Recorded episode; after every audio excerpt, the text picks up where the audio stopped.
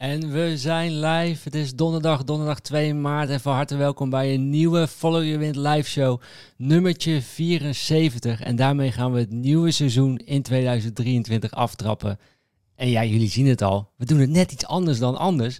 Want ik ben niet alleen. Ik ben hier met mijn lieve vriendin Nicole van Gol. En ik zou zeggen, geef haar een groot applaus. Dankjewel.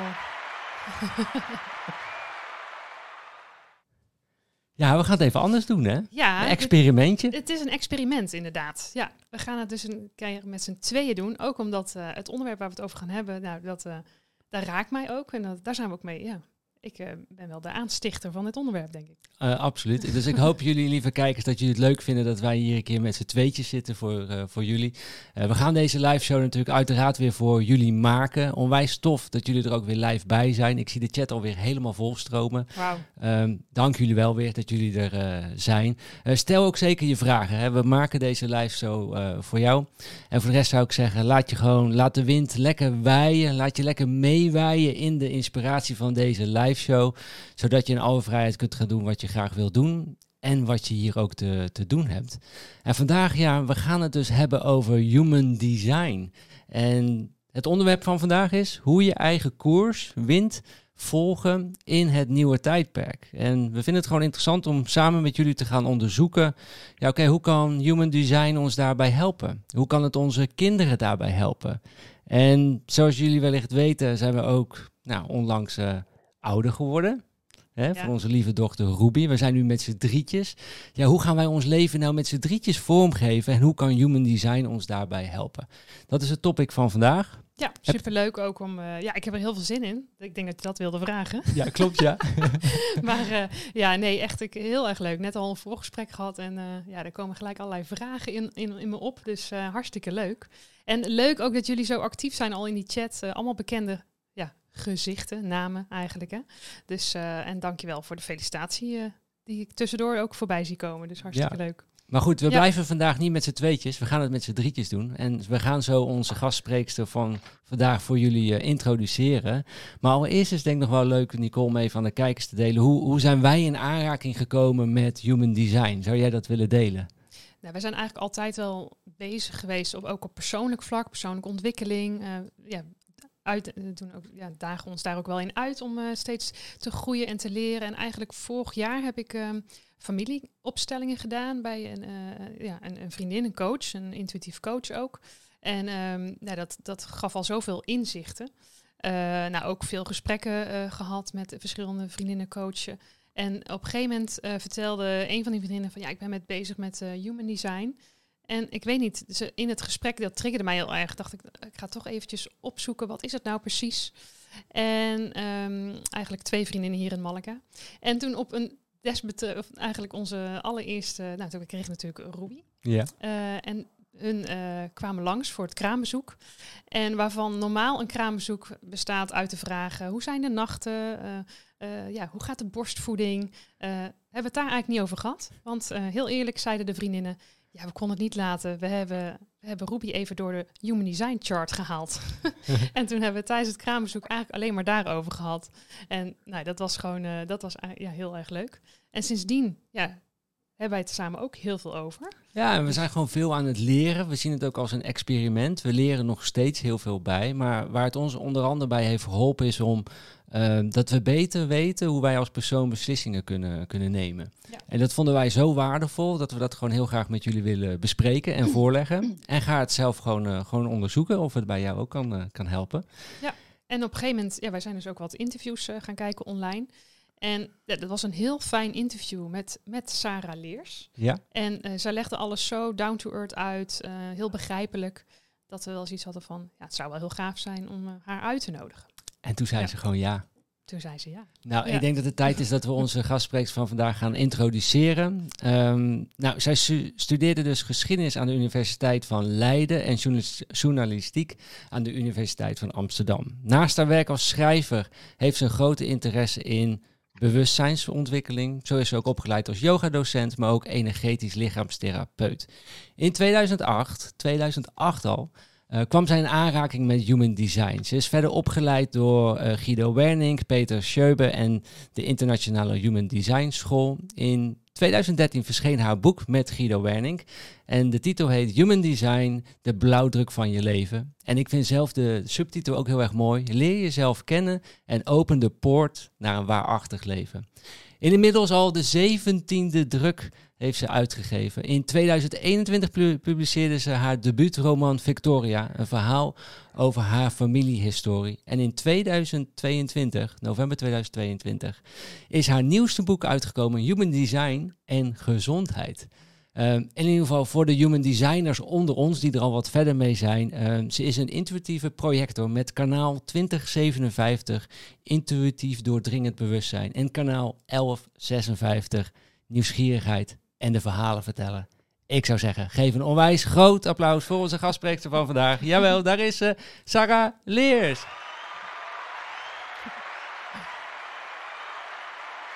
Welkom in de show, Sarah. Dankjewel. Wat een leuke introductie om dat zo te horen. Heel uitgebreid, ja. Ja, de introductie die je verdiende. Uh, dankjewel dat je hier uh, bent. En we zijn heel erg benieuwd, ja, hoe heeft jouw wind zo gewijd naar human design? Kan je daar allereerst ons even in meenemen? Ja, dat is interessant hè, hoe dat dan zo op je pad komt. Um, al in 2008 inderdaad, zoals je dat zei. 15 jaar geleden. Um, ik heb uh, toen een artikel gelezen in The Happiness over Human Design. Dat was een interview met Guido Werning. Um, hij was een van de eerste in Nederland die met dit systeem werkte. En ik ben toen bij hem een reading gaan doen. Uh, want ik was nieuwsgierig, zit in mijn design. En uh, ik was op dat moment al heel veel bezig met, uh, ik deed de opleiding tot yogadocent. Ik was heel veel bezig met lichaamswerk, persoonlijke ontwikkeling. Um, en ook ja, zingeving, als het ware.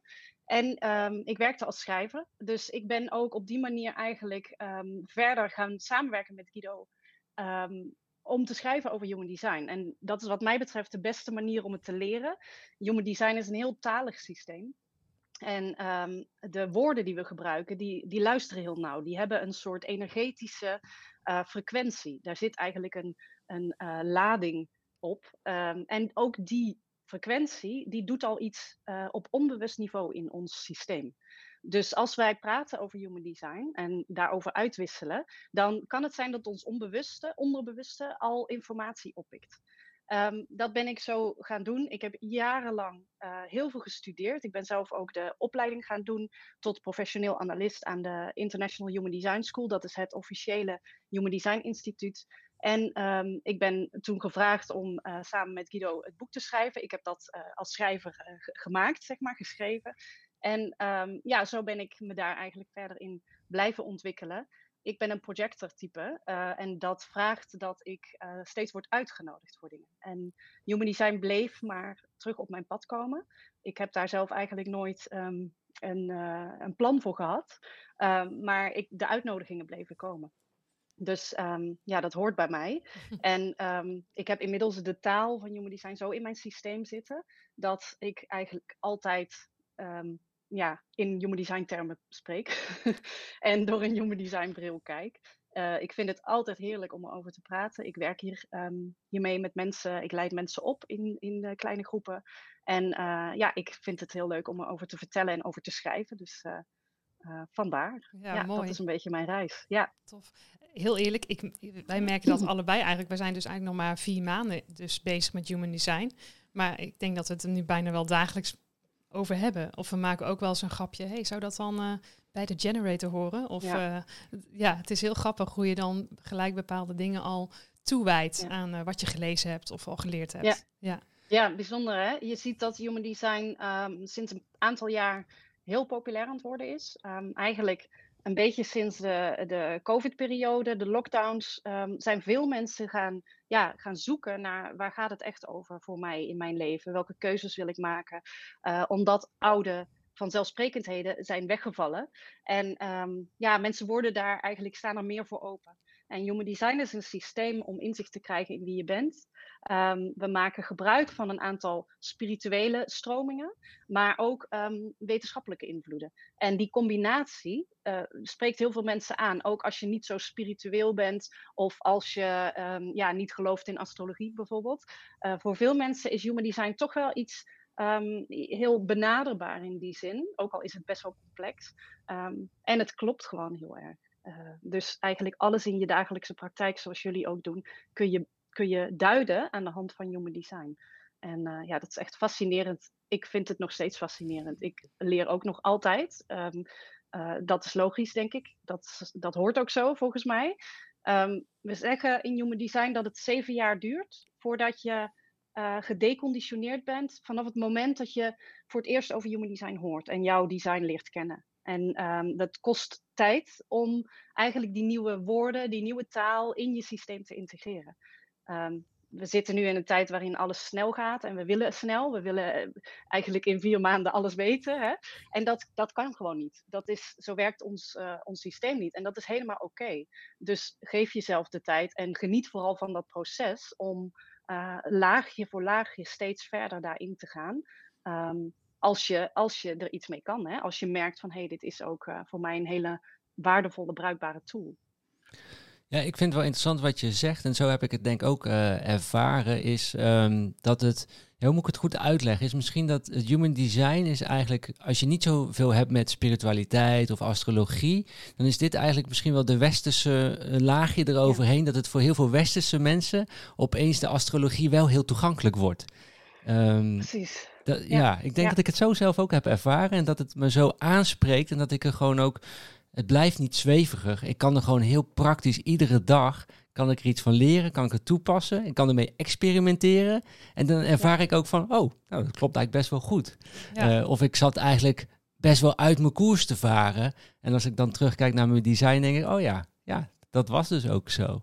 Um, ja. ja. maar dat, dat is denk ik wel herkenbaar. Want in gesprekken denk ik ook, dan uh, zeggen mensen vaak van, uh, ja, maar is het waar? Is het echt? Werkt het mhm. echt? Mhm. En dan, uh, ja, ik wist het ook van tevoren niet. Maar ik had zoiets van, ik ga gewoon kijken wat komt eruit.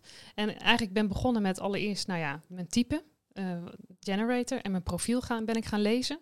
En toen dacht ik, maar ja, dit klopt als een bus. dus ja, ja, of ik het geloof of niet, ik, ja, het, het, viel wel, het voelt wel goed dat, um, ja. dat je in die zin begrepen wordt of zo. En dat je dus met jezelf aan de slag kan. Ja, ja. ja. Ik, ik hoor al ons uh, hebben over, over types die we zijn uh, en zo. En, uh, en wat nog meerdere diepgang. Is het misschien interessant, Sarah, om het kort uit te leggen wat, hoe dat nou werkt en wat voor types er zijn en de centra's die er zijn. en dat we daarna gaan kijken van oké, maar welk nieuwe tijdperk komt er nou ook aan? En of je ons daar ook in mee kunt, kunt nemen. Ik heb dit plaatje bij ons. Misschien dat je daar iets mee kunt, maar dan kan ik hem in beeld ja. tonen. Um, kan ik, uh, kan zeker. Um, uh, maar het, is, het hoeft niet. Maar dit is, dit is echt het hele traditionele plaatje van de body graph, zoals we dit noemen. En mensen die thuis um, uh, hun, die kijken en die ook hun chart hebben opgevraagd, die zien ook zo'n vergelijkbare body graph, een blauwdruk. Um, een, het is een schematische weergave van een mens. Hè? Je ziet het hoofd en dan een soort schematische het lichaam. Dat is dat, dat mensfiguur, dat is de body graph. En daaromheen zie je um, um, eigenlijk de rave um, cycle, uh, zo noemen we dat. Al die cijfertjes in die buitenste ring, dat zijn 64 cijfertjes. Die komen ook weer terug in die chart, zoals je dat ziet in deze body graph. Daar staan allerlei cijfertjes. dat aspect komt uit de I Ching, de Chinese wijsheidsleer Chinese spirituele leer, uh, die is al duizenden jaren oud. En um, daarmee kunnen we eigenlijk het leven en de mens duiden. Dus er zijn allerlei kwaliteiten van het mens zijn. En dat wordt vertegenwoordigd in die 64 cijfertjes. We noemen dat poorten in Human Design. Daar, in die binnenste ring zie je um, de, uh, misschien herkennen mensen dat, dat zijn de sterrenbeelden. Dat is het element van astrologie, wat ook in Human Design zit. Dit is ook waarom we een berekening maken op basis van je geboorte datum en tijdstip. En eigenlijk uh, die uh, combinatie zorgt voor een, um, ja, een, een chart die berekent als het ware op basis van die systemen, wordt een chart gegenereerd. En dat is um, uh, wat je dan ziet als je jouw chart opvraagt. Je kunt dan zien, hier in deze weergave zijn alle, alle centra, dat zijn die driehoekjes en die vierkantjes. Um, alle centra hebben een kleur.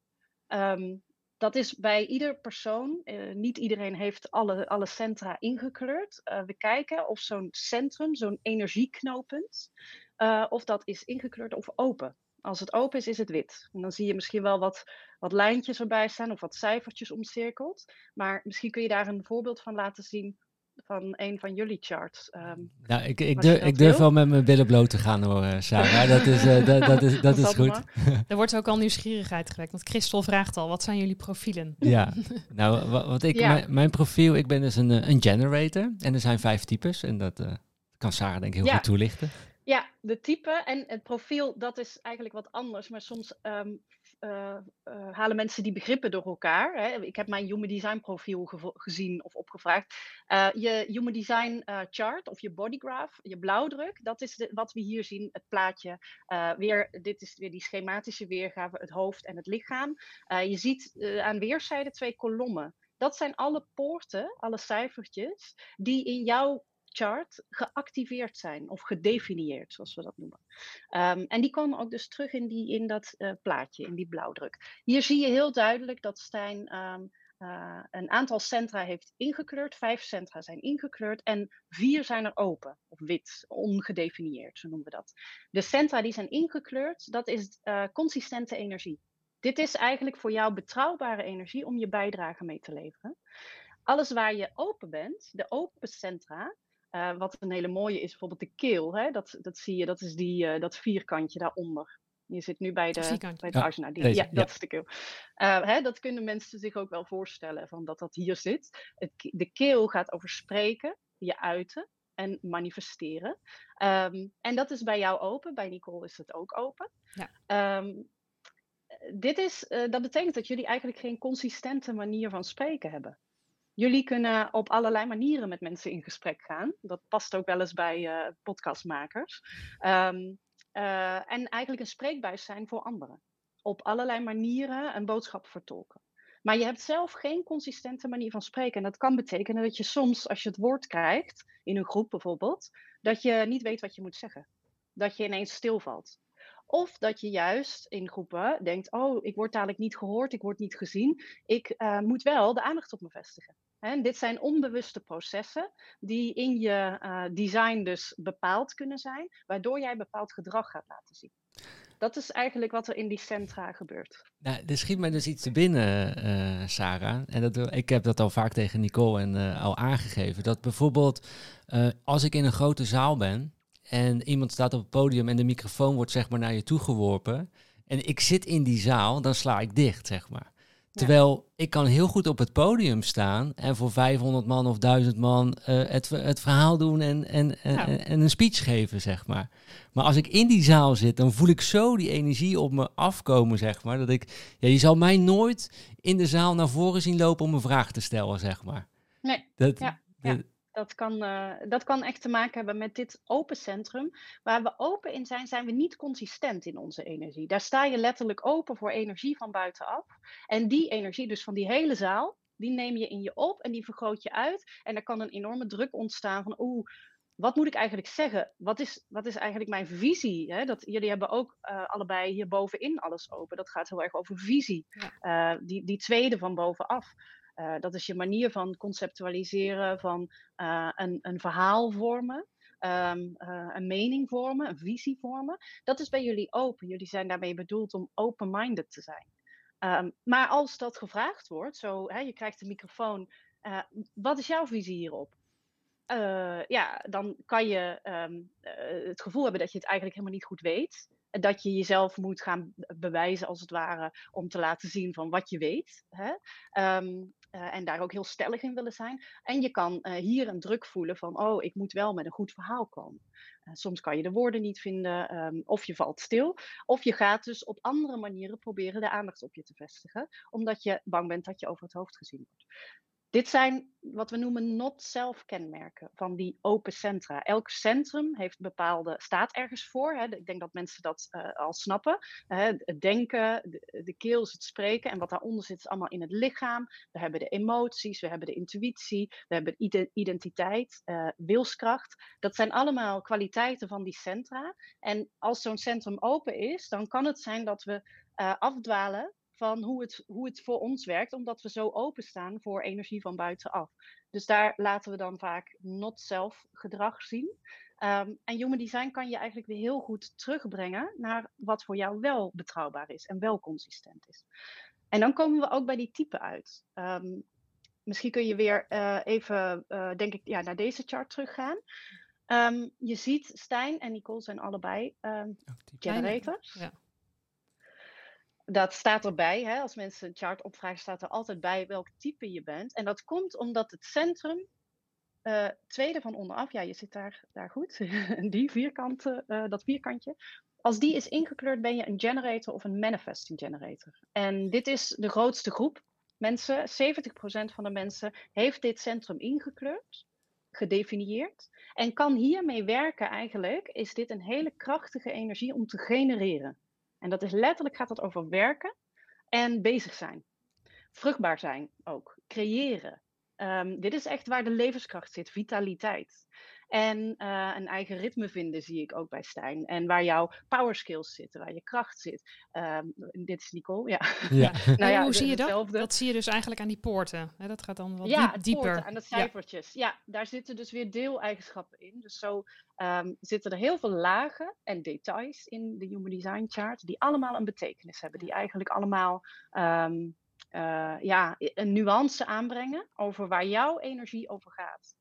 En waar je dus kunt zien waar je energie niet over gaat, als het ware. Wat niet van jou is, niet consistent van jou is. En dat is iets heel bijzonders aan Human Design. Dat we ook kunnen zeggen, kijk, hier zit je in je not-self gedrag. Dat is wat Stijn net noemde.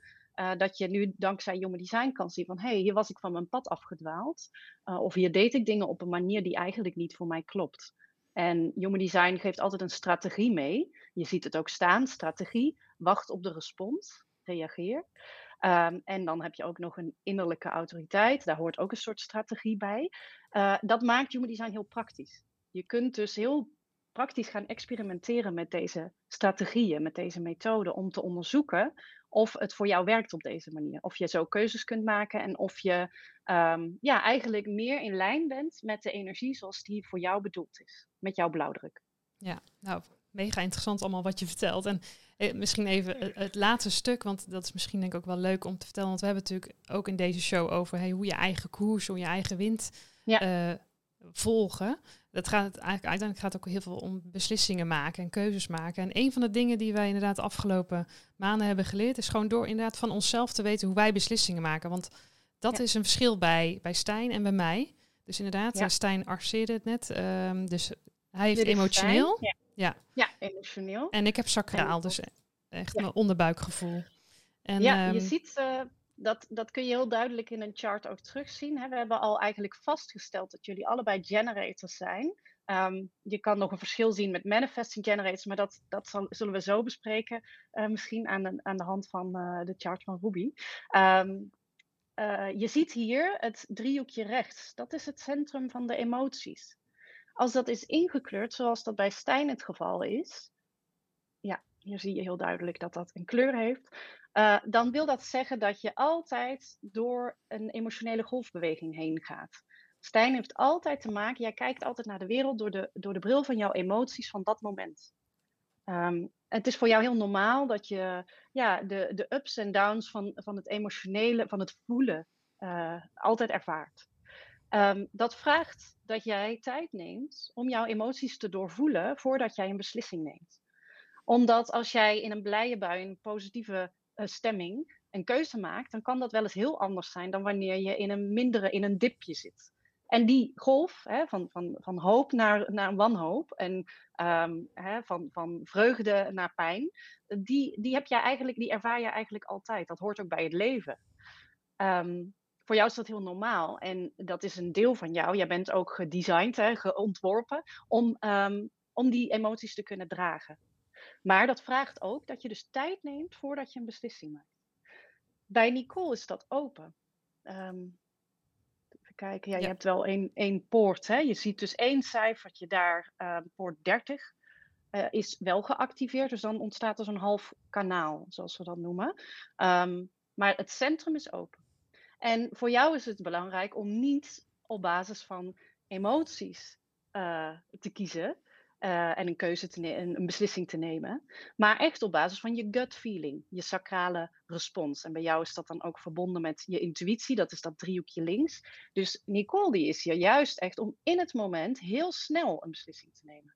Waar Stijn tijd nodig heeft om alles te doorvoelen. En dat kan echt je kan uh, het ene moment uh, positief tegenover een keuze staan. En drie weken later denk je echt: nee, dit is het slechtste idee ooit. Um, en daar, dan kan je heel een soort het gevoel hebben dat je gaat twijfelen. Terwijl dat zijn je emoties. Emoties vragen tijd en geven ook een hele gelaagdheid en diepgang aan hoe jij naar dingen kijkt. Bij Nicole is het heel zwart-wit. Het is niet al die kleuren van de emoties, maar eigenlijk is het een ja of een nee in het moment. Uh, en dat zijn twee hele grote verschillen. Uh, ik weet niet of jullie dat ook altijd wel gezien hebben. Jullie designs lijken verder vrij veel op elkaar. Jullie hebben ook een aantal kanalen hetzelfde. Maar dit is een groot verschil. Ook voor mensen thuis die dit um, herkennen bij zichzelf. Ben je emotioneel of ben je open in de emoties? Je ervaart de wereld heel anders. En als je dat niet van elkaar begrijpt of je geeft elkaar daar geen ruimte voor, dan ontstaat er heel veel verwarring. Want Nicole kan heel gevoelig zijn voor de emoties van Stijn. Jij, kan, je bent daar open ja. in. Dus je ja, ik ben open, dus ik neem. Ja, ja, ja. Ja. ja, en dan kan het zijn dat jij de drama queen bent, uh, terwijl het zijn emoties zijn. En als Stijn dat helemaal niet in de gaten heeft en daarmee niet verbindt, dan ga jij waarschijnlijk die emoties dragen en jij gaat ervoor zorgen dat, dat hij zich goed voelt. Of dat iedereen, hè, dat er geen ruzie is, dat er harmonie is, dat, dat er geen verdriet is. Want jij voelt dat, Nicole voelt dat heel sterk. Ja. Jij voelt het, je vergroot het als het ware uit in zo'n open centrum. En zeker bij die emoties um, zie je dat in, in relaties kan het ook een hele mooie aantrekkingskracht hebben. Dat de ene ingekleurd is en de ander is daar open in. Maar het kan ook voor veel verwarring zorgen. Want um, ja, van wie zijn die emoties nou? En wat moet ik ermee? Uh, Nicole zal ze veel sterker ervaren dan dat Stijn die emoties voelt. Ja. Voor jou is het eigenlijk een normaal onderdeel van wie je bent, voor Stijn. En Nicole vergroot ze in haar systeem eigenlijk uit, terwijl ze niet van haar zijn. Ja, heel herkenbaar. Uh, We hebben het er toevallig gisteren nog over gehad. Dat, ja. dat een bepaald moment dacht ik, oh, dat heeft dus daar inderdaad mee te maken. Want uh, ga ik even heel eerlijk zijn, hè, Stijn? Ja, mag. Dat mag. Uh, nee, een paar, paar jaar geleden. Nee, dat is al wel een tijdje geleden. Maar uh, dat, dat gebeurde dan inderdaad. Dan was Stijn gewoon nou ja, ge, gefrustreerd of een, een bepaalde ja, negatieve nee, emotie. Ging, ging, gewoon, hè, ging op en neer bij mij. Ja. ja en ik voelde dat, uh, ik zeg, ja, als je het niet erg vindt, ik, ik ga even de deur uit en ik, ik ga even voor mezelf zijn. Want ik voel gewoon dat ik het, dat ik het overneem en dat wil ik niet. Dus heel bewust ja. wel de deur uitgaan en even lekker op mezelf zijn. Uh, wat ook weer lekker in mijn profiel past, uh, de, de kluizenaar. Ja, twee. Maar, ja, uh, ja. dus, maar dat inderdaad is heel erg. dacht ik, oh ja, ik ben gewoon zo gevoelig om bepaalde emoties over te nemen. Ja. Dus daar ligt mijn uitdaging, denk ik. Uh, om letterlijk te voelen wat is nu mijn emotie en wat is die van een ander. Dus uh, ja. ja. ja. ik, ik, en dat ik, is um, belangrijk eigenlijk wat jij nu als voorbeeld geeft. Dat je um, uh, als je een belangrijke keuze hebt te maken, dan is het beter dat je dat in je eentje doet, in je eigen energie. Want anders word je de hele tijd beïnvloed door de energie van anderen, zeker ook in groepen. een groep is vanaf drie. Uh, als er drie mensen samenkomen, heb je een groep. En dan ontstaat er nog een andere dynamiek, waardoor je eigenlijk niet meer goed bij je eigen uh, design kunt blijven. Hè? En dus als je een keuze wil maken, en um, ook zeker zeggen we als je jonge design wil onderzoeken, kan het heel goed zijn om veel tijd alleen door te brengen, voor zover dat mogelijk is. Um, om echt te voelen wat is van mij en wat, is eigenlijk, wat heb ik eigenlijk opgepikt uit de omgeving. We hebben dit natuurlijk al vanaf onze vroegste jeugd. Hè? Dat je bij je ouders dit al, hè, de emoties al gaat dragen misschien. Of um, dat je eigenlijk niet in de gaten hebt welke dingen je overneemt. En uh, dat dat dus misschien helemaal niet van jou is. Mm. En, en Sarah, omdat uh, Nicole dus hier uh, het emotionele centrum, dat driehoekje hier open heeft staan, is het dus voor haar beter om uh, alleen te zijn als ze de beslissing gaat maken, hè, op haar intuïtie. Um, ja. Maar omdat ik hem heb ingekleurd, eh, dit is een vraag, hè, dus weet ik dan gewoon ja. heel goed, kan ik gewoon wel samen in een groep zijn? Omdat ik het toch eigenlijk weet, ik heb de bewuste energie in me zitten. Mm, ja, dat is een goede vraag. Dus er zitten eigenlijk heel veel meer andere aspecten aan. Um, eigenlijk zijn is generators en manifesting generators van nature groepsmensen. En dat komt omdat dit type, 70% van de mensen heeft dus deze energie. Dit type of deze twee typen zou je kunnen zeggen. Um, het aura, het energieveld, we noemen dat aura, dat kan voor sommige mensen een beetje spiritueel klinken, maar je energieveld, wat je uitstraalt, wat je eigenlijk uh, met je meedraagt, um, van generators en manifesting generators is dat heel omhullend. En het, het wil de ander erbij, eh, bijna omarmend. Um, dus generators zijn van bij uitstek groepsmensen. Alleen als jij een uh, keuze wil maken, dan zeggen we eigenlijk geldt voor iedereen om dat te doen als je alleen bent. Omdat je anders in de dynamiek van de groep wordt ja, meebewogen, meegenomen. Dus geldt ook voor jou, uh, Stijn, om toch ook steeds bij jezelf te voelen van heb ik mijn emoties al doorvoeld? Dat kan ook lastig zijn, want jij kan bijvoorbeeld in de open centra hierboven weer worden meegenomen in, in, bijvoorbeeld de visie van iemand anders. Of de levensvragen, dat is die bovenste, de levensvragen uh, die, uh, die andere mensen hebben. Waardoor jij helemaal daarin daar, uh, in meebeweegt of in opgaat en antwoorden gaat zoeken op levensvragen die voor jou eigenlijk helemaal niet relevant zijn. En dan kan je bijna je hele leven gaan inrichten op basis van ik wil, ik wil dit uitvinden of ik wil zo leven, terwijl dat misschien jouw visie niet is. Um, voor jou gaat het echt om doorvoelen. Uh, wat, wa, waar ga ik op aan? En um, hoe, hoe, hoe zeggen, zijn mijn emoties daarbij? Als, als we het hebben over die emotionele golfbeweging, dan heeft dat te maken, dat staat ook bij solar plexus, te, dat heeft te maken met het zenuwstelsel. Ja, emotioneel mm. solar plexus. Dit noemen we ook wel dus de solar plexus, dat centrum. Het heeft te maken met je zenuwstelsel. En voor emotionele mensen, zoals we dat zeggen, ongeveer de helft van alle mensen, los van je type, is emotioneel. Voor emotionele mensen geldt dat het belangrijk is dat je pas een keuze maakt als je een relatieve kalmte ervaart. En het kan zijn, ik weet niet of je dat herkent, Stijn, dat jij als je nog volop in die golf zit van die pieken en da da dalen, hè, van, die, van het enthousiasme en toch maar niet, um, dan dat je ook een bepaalde onrust hebt. Een soort ja, uh, zenuwachtigheid. Misschien is het voor jou heel normaal. Oh ja, dat is herkenbaar.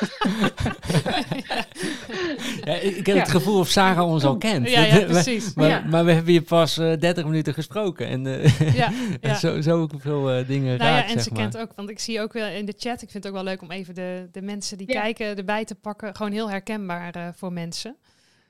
en dit is denk ik ook wel het stukje over je eigen koers varen dat het wel heel interessant is inderdaad om überhaupt dus al te weten hoe je keuzes maakt.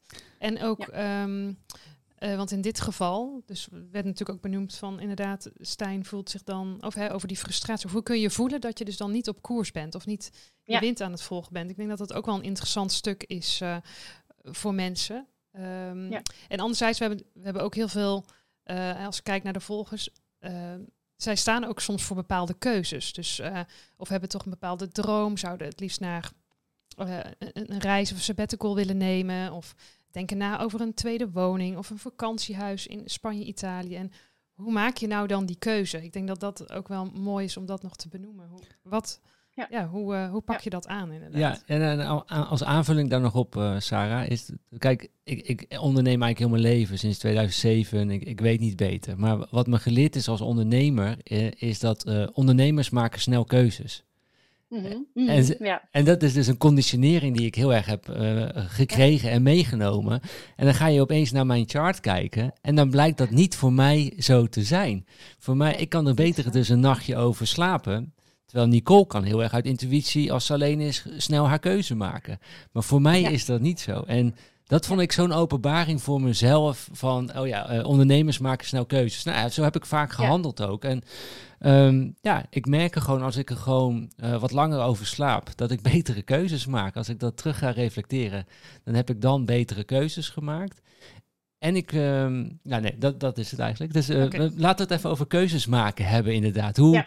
We hebben het nu over de type generator gehad, maar we hebben natuurlijk ook andere types. Um, ja. Hoe maakt ja. iedereen zijn keus? Hoe kun je, hoe, hoe, hoe kun je dat uh, doen? We hebben... Um, ja, human design is eigenlijk, uh, als je het heel praktisch zegt, of heel kort door de bocht, is een systeem om betrouwbare keuzes te maken. En um, dat is heel interessant ook als we het hebben over dat nieuwe tijdperk, waar wij het al, wat al genoemd werd. Hè? We zijn op weg naar een ander tijdperk. En ik denk dat heel veel mensen dit eigenlijk al zonder te weten hoe dat er dan precies uitziet, maar dat voelen en herkennen. Uh, dingen veranderen. Dingen die vanzelfsprekend waren, die zijn niet meer vanzelfsprekend. En uh, we worden ineens ook wakker in bepaalde dingen. We gaan openstaan voor persoonlijke ontwikkeling, zelfinzicht en misschien wel een beetje meer uh, spiritualiteit ook, op een persoonlijke manier. Um, Human Design zegt, wij kunnen geen betrouwbare beslissingen nemen met ons denken. Want ons denken is eigenlijk, um, wordt heel snel geconditioneerd. Los even van of die centra hierboven openstaan of niet. Ons denken kan overal wel een verhaal van maken. Hè? Je kan een verhaal hebben van als ondernemer moet ik snel keuzes maken. Uh, dat is zo, zo het beeld, de visie die je hebt overgenomen. Ook als je hier inkleuringen in hebt, dan kun je uh, heel goed um, een eigen visie hebben. Maar dat is nog steeds een mentale visie. En in Human Design zeggen we eigenlijk: weet jouw mind niet wat voor jouw energie, voor jouw lichaam het juiste is. Dus Human Design geeft een strategie mee voor alle typen. Um, om met je lichaam een keuze te kunnen maken. Uh, en dat vraagt dat je uit je hoofd komt en naar het lichaam gaat. Dat is de grootste, uh, het grootste vernieuwende waar Human Design mee komt. Uh, hè, astrologie, die la laat ook, de astrologie laat ook wel zien wie ben je en wat is jouw uh, weg in het leven, wat zijn je lessen, wat is je bestemming misschien wel. Maar Human Design geeft een heel concrete strategie om in je lichaam te komen. En daar um, ja, eigenlijk met je hele energie een beslissing te nemen. We hebben het al gehad over die grote groep uh, generators en, en, manifesting generators. Het is eigenlijk één type. Uh, en tegenwoordig noemen mensen dat vaak als twee aparte typen. Er zijn in Human Design vier typen. En dus generators en manifesting generators zijn één groep. En dat komt omdat zij eenzelfde energieveld hebben, dat aura waar ik het over had, dat omhullende.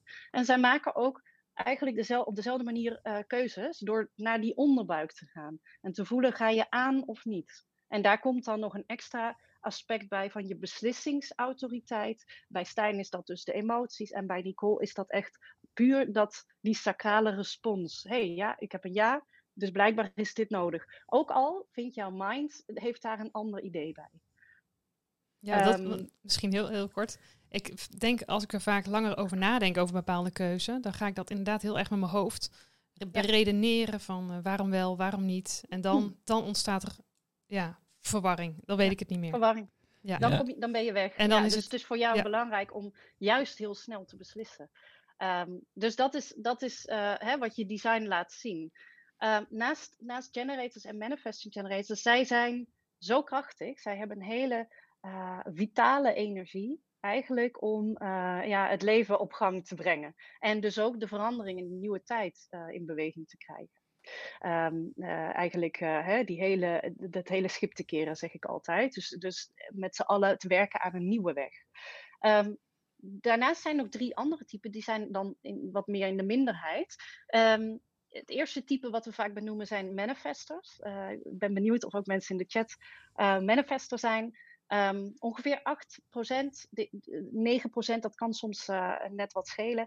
Um, manifestors zijn eigenlijk de leiders van de oude tijd. Zij zijn hier om initiatief te nemen en eigenlijk hun domein te claimen.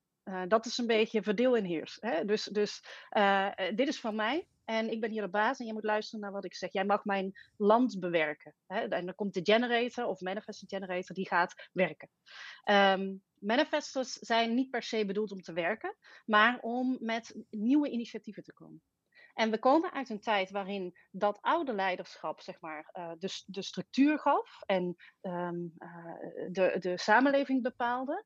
En dat, is al niet, dat werkt al niet meer op die manier. Uh, dat verdeel en heers, dat, ga, dat, dat kan niet meer. Hè? Dat doen we niet. Um, we, we, gaan nu veel meer vanuit een soort gelijkwaardig samenwerken.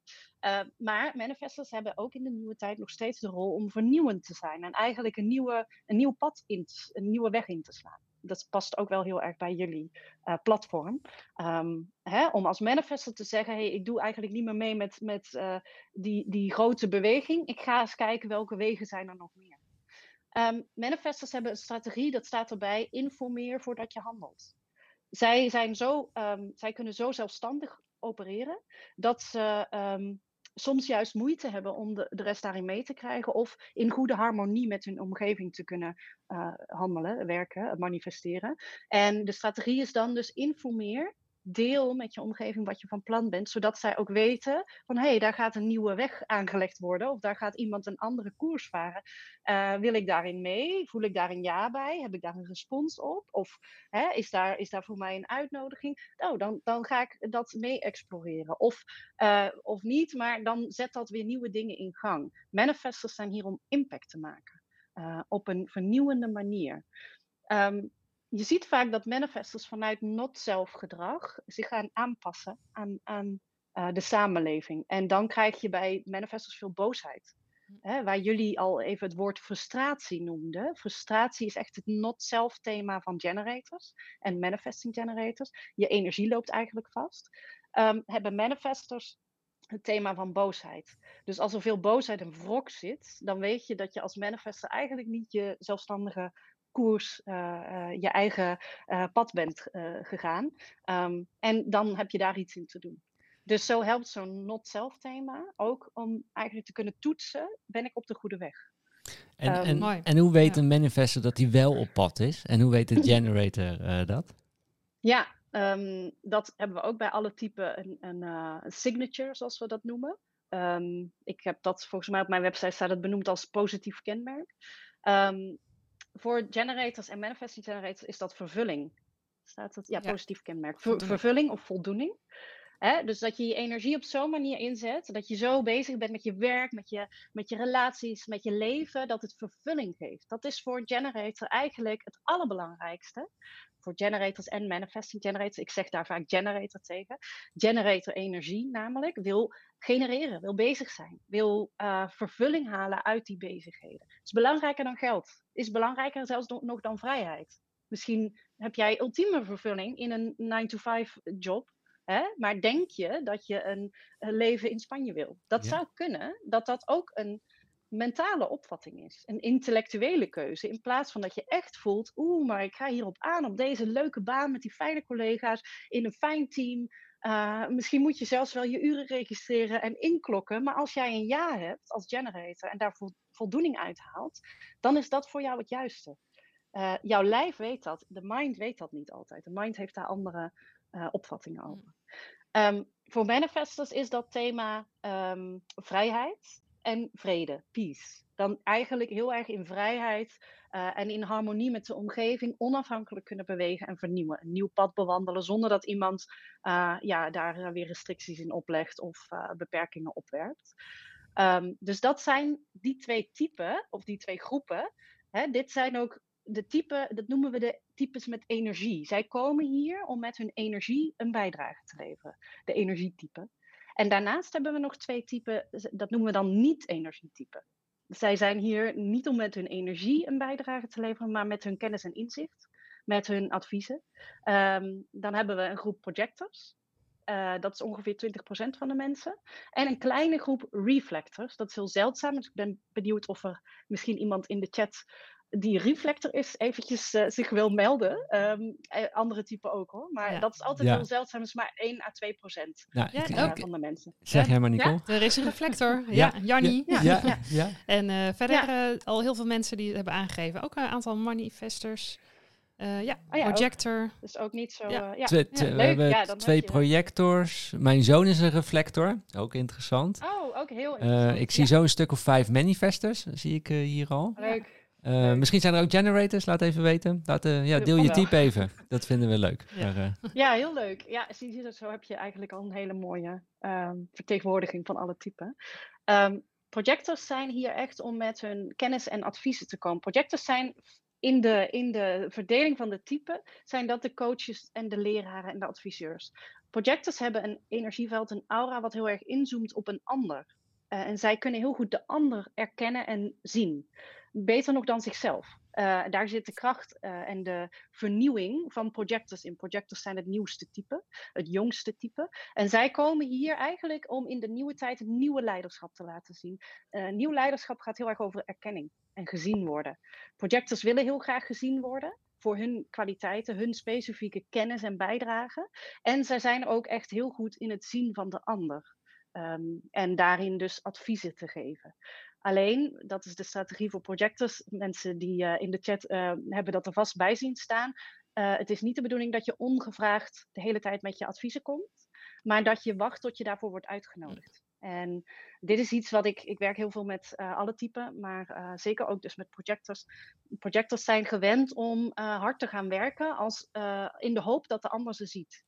En om hun verbeteradviezen te geven. Dus ze gaan van alles doen waar helemaal niet om gevraagd is. En ze worden eigenlijk een soort, ja, dat noemen we dan een soort slave guide, een soort slaafgids Hè, zo van, van um, uh, ja, uh, geef mij advies, want jij wil, je wilt toch zo graag mij uh, coachen of zo. Hè? En het is heel belangrijk in de nieuwe tijd dat projectors heel goed gaan voelen, is dit echt wel een goede uitnodiging voor mij? Um, is dit er een respectvolle benadering bij? word ik erkend voor mijn kwaliteiten, voor waar ik mee kom? Projectors zijn heel goed in het duiden van mensen en van de wereld aan de hand van een systeem misschien ook wel. Je ziet vaak dat projectors heel erg expert kunnen worden in dat wat ze doen. Um, en uh, het is dus heel belangrijk, zeker in de nieuwe tijd, dat projectors daar op een zorgvuldige manier mee omgaan. En dat ze niet eigenlijk mee gaan proberen te, werken met, met heel die generator-energie. Uh, en met, met uh, het krachtige manifesteren van de manifesten. Um, dus ieder type heeft zo een eigen rol daarin en een eigen energieveld. Als projectors op de goede weg zitten, dan ervaren ze succes. Ze zijn dan succesvol in het gidsen van anderen. En uh, als ze niet op de goede weg zitten, ervaren ze uh, verbittering, bitterheid. Uh, en dat, dat komt dan voort uit niet goed uitgenodigd zijn, niet goed erkend zijn. En daar eigenlijk verdrietig of, of ja, bitter over zijn. van ik ben ergens ingestapt en uh, dat was niet voor mij de juiste uitnodiging. En nou ben ik verbitterd omdat ze niet mijn waarde daarin zien en uh, mijn adviezen niet willen horen. Dan hebben we nog de reflector, het, het hele uh, kleine groepje. Reflectors hebben een chart die is helemaal open. Daar zijn alle centra, al die vlakjes, al die driehoekjes en vierkantjes zijn wit. Uh, ze hebben wel uh, poorten geactiveerd, dus wel wat hmm. kanalen, zo lijntjes zie je dan, halve kanalen. Um, maar verder zijn alle centra open en de reflector, het woord zegt het al, zij zijn hier eigenlijk om hun omgeving in zich op te nemen en te spiegelen. Uh, dus zij zijn niet per se om een ziener te zijn of advies te geven, zij zijn hier puur om te spiegelen. En de wereld in zich op te nemen, geconditioneerd te worden. En dat klinkt, dus voor ons is dat echt uh, bijna ja, iets heel anders. Zij zijn ook lunar beings. Zij hebben een speciale relatie met de maan, met de cyclus van de maan. Want in een maand, in een maandcyclus, worden alle aspecten in hun design een keer geactiveerd. En na een maand kunnen zij een betrouwbare keuze maken. Uh, en dat geldt dan vooral voor de grote keuzes in het leven. Je hoeft dus niet een maand te wachten voordat je boodschappen gaat doen. Of, uh, hè, of wel of niet koffie gaat drinken met iemand. Maar vooral de grote keuzes in het leven. Uh, dat is hetzelfde voor projectors. die, die uitnodiging hoeft niet voor alles. Het geldt voor de grote dingen in het leven voor reflectors, zij willen eigenlijk de verrassing van het leven ervaren. Het unieke, het authentieke, het afwijkende. Waar zijn mensen authentiek? Of zien ze teleurstelling, uh, dat is het not-self thema, zien ze één grijze massa, iedereen doet hetzelfde, iedereen is geconditioneerd. En vaak zie je dat reflectors um, nog zelf heel geconditioneerd zijn en eigenlijk proberen mee te komen in, de in het beeld van de maatschappij zoals dat hoort. Uh, en daar misschien heel erg teleurgesteld in zijn over het leven en daar ook helemaal niet goed in mee kunnen komen. Uh, want zij hebben helemaal geen consistente energie in hun blauwdruk. Dus ze hebben een hele aparte manier, andere manier. Zij staan eigenlijk letterlijk op zijn kop, ge gespiegeld aan de samenleving. En aan een reflector kun je zien wat er in de samenleving of in de gemeenschap om de reflector heen, wat er speelt. Want die reflector wordt dat als het ware, die spiegelt dat. Misschien wel vervormd, het is niet een één op één betrouwbaar beeld, maar dat is wat de reflector laat zien. Het is echt fascinerend um, om een reflector in je omgeving te hebben. Want daaraan kun je zien wat de thema's van jouw omgeving zijn. Leuk, leuk om te horen. Ja, die, die, hebben we eigenlijk nog niet, hè? Niet, niet dat we weten, maar het is wel leuk. Want uh, straks gaan we ook, denk ik, het, uh, het kindthema nog behandelen. Uh, ja. Natuurlijk even Ruby erbij pakken. Maar ik zie dat, even kijken, waar zag ik? Ingeborg zegt, mijn zoon is een reflector. Dus wellicht ja. is het wel leuk om dat ook te kijken. Hey, wat, wat maakt, wat, waar moet je rekening mee houden als je kindje een reflector is? Ja. Wij zijn natuurlijk al heel benieuwd, van, waar moet je rekening mee houden als je kindje een ma manifesting generator is? Maar ja. Ja, ja. klopt. Ja, ja. Um, het mooie is, human design is ook eigenlijk bedoeld voor kinderen. Ehm, hè, dat, uh, daar hadden we het al even over. Ehm, en dat is ook de hele reden misschien wel dat, jij, uh, dat jullie uh, meteen zijn gaan kijken van, van hey, wat is dan het design van ons kindje? Hoe komt een kindje ter wereld met een unieke eigen blauwdruk. Al bij je geboorte, eigenlijk al net voor je geboorte is die al vastgelegd.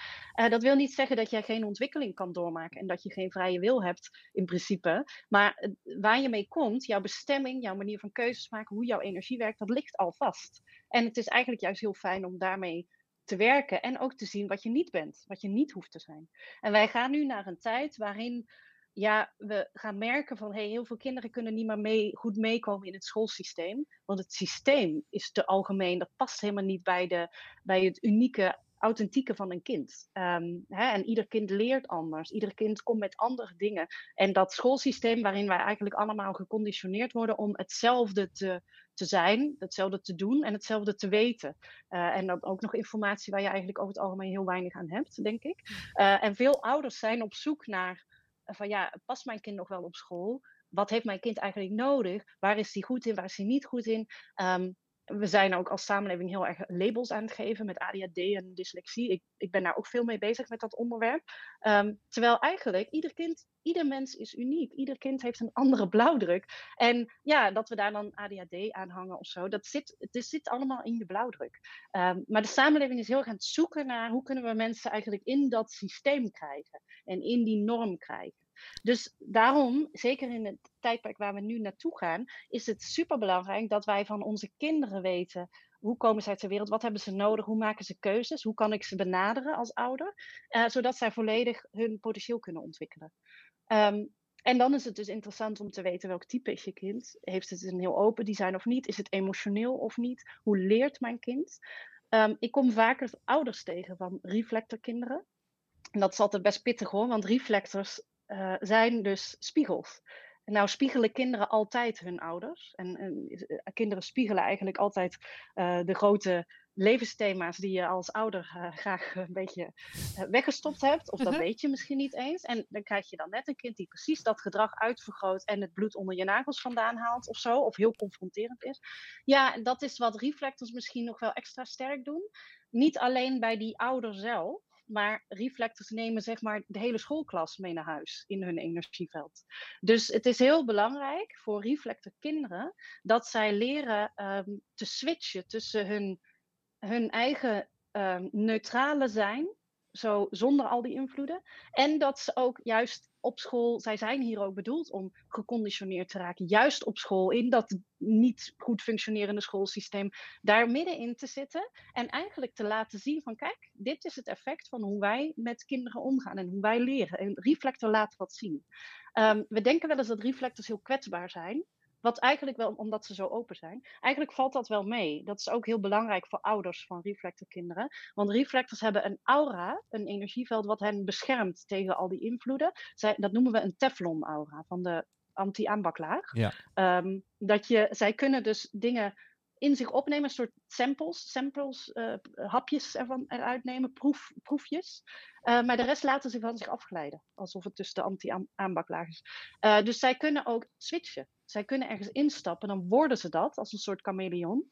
En er ook weer uit. En ik denk dat het voor ouders met een reflectorkind dus heel belangrijk is om samen met het kind manieren te, um, uh, uh, gewoontes te vormen om steeds weer die energie te schoon te maken. Dat kan al goed zijn door altijd s'avonds te douchen en, of, of in bad te gaan en dan echt bijna letterlijk hmm. alles van je afspoelen. En alleen al dat soort dingen is voor reflectorkinderen waarschijnlijk heel, heel prettig en ook, zij begrijpen dat ook heel goed.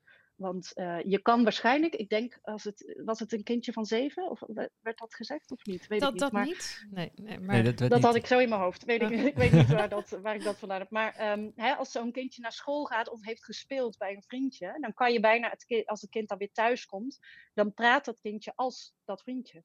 Je hoort gewoon de stem zij vertolken eigenlijk die stem en dat de, de, misschien de maniertjes of hoe het daar thuis is, laten zij zien. Dat is ook iets heel moois. Um, maar het is dus belangrijk dat zo'n uh, reflectorkind weet, dat ben ik niet. Dat gaat door me heen. Dat, dat, uh, dat mag ik ook weer loslaten. En dit geldt eigenlijk voor alle type kinderen. uh, ieder, heel veel kinderen staan heel open. Generators en manifesting generators zijn ook heel open. En, en, projectors hebben ook een heel open aura. Zij nemen van alles in zich op. Dus het is heel belangrijk dat je al weet van hey, dit hoort bij mijn kind. En hierin staan ze open, zijn ze geneigd om not zelfgedrag te laten zien. Um, en je kan dus ook, als je weet, mijn kind is een generator, stel ze gesloten vragen, ja-nee vragen. Dat uh, is ook voor manifesting generators uh, heel uh, een goede manier. Want dan kunnen ze reageren. heb ik een ja of heb ik een, voel ik het niet? En bij kinderen zie je dat ook nog heel duidelijk. Hè? Nee, wil ik niet. Ja, waarom niet? En dat moet. Nee, wil ik niet. Er zit geen energie op. En eigenlijk is dat wat kinderen heel duidelijk al kunnen laten zien van dit past bij mij en dat niet. En alleen ja, het schoolsysteem en de maatschappij, het moet zo. Dus je moet al meteen mee in de conditionering. Dat begint al heel vroeg.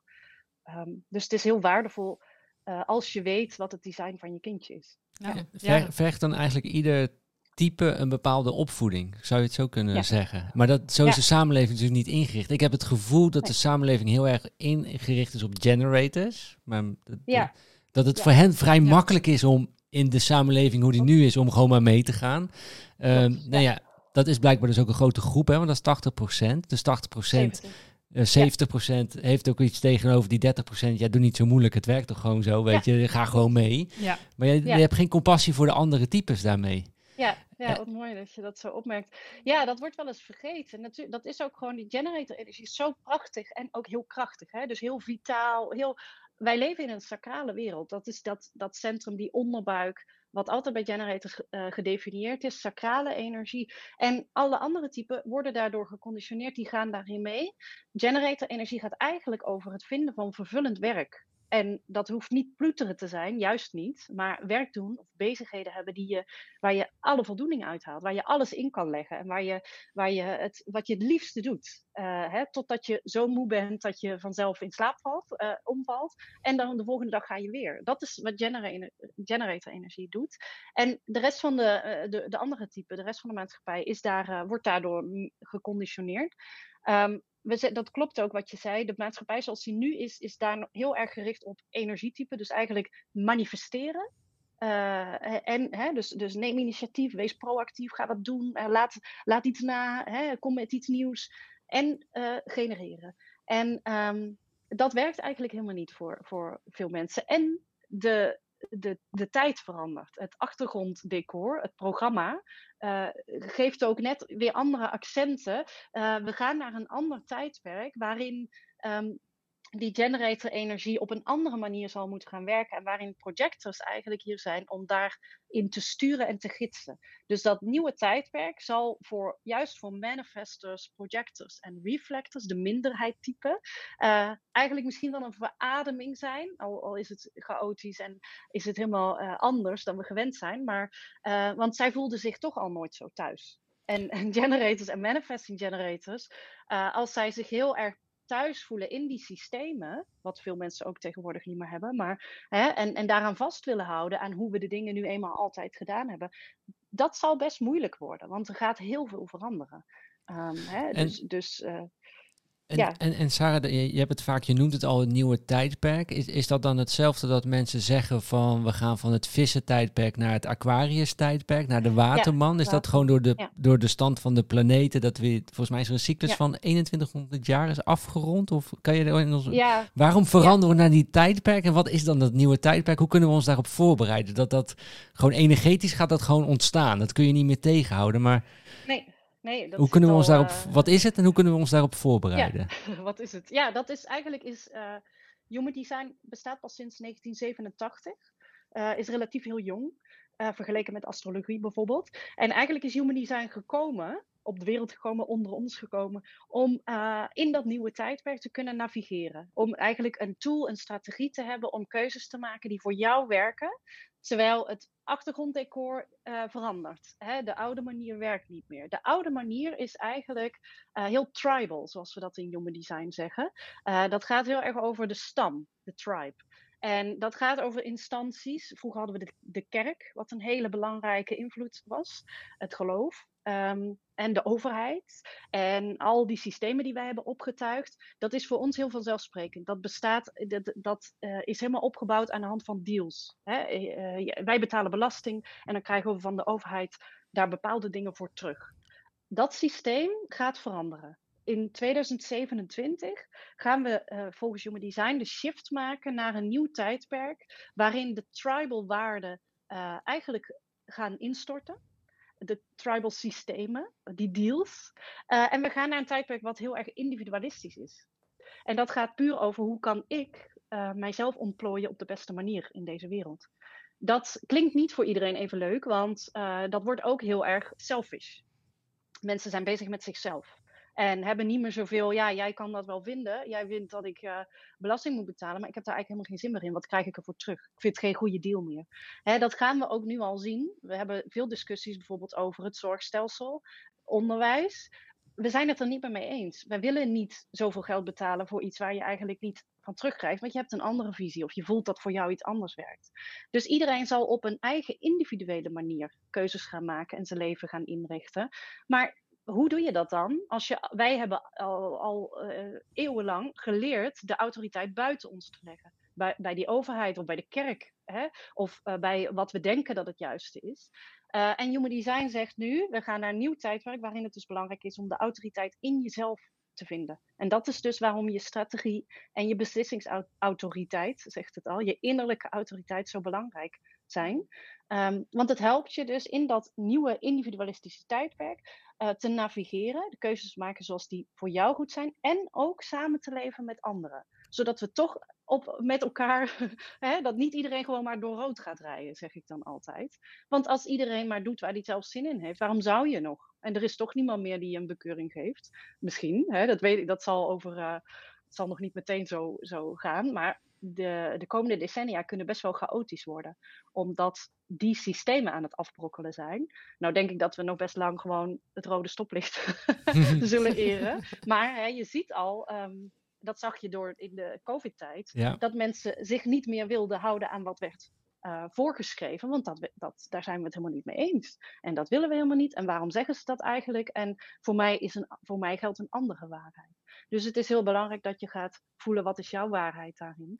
Um, en op die manier ook met elkaar toch uh, ja, een weg vindt om uh, samen te werken en je, je potentie te ontplooien. Hè, waar je voor gekomen bent in dit leven.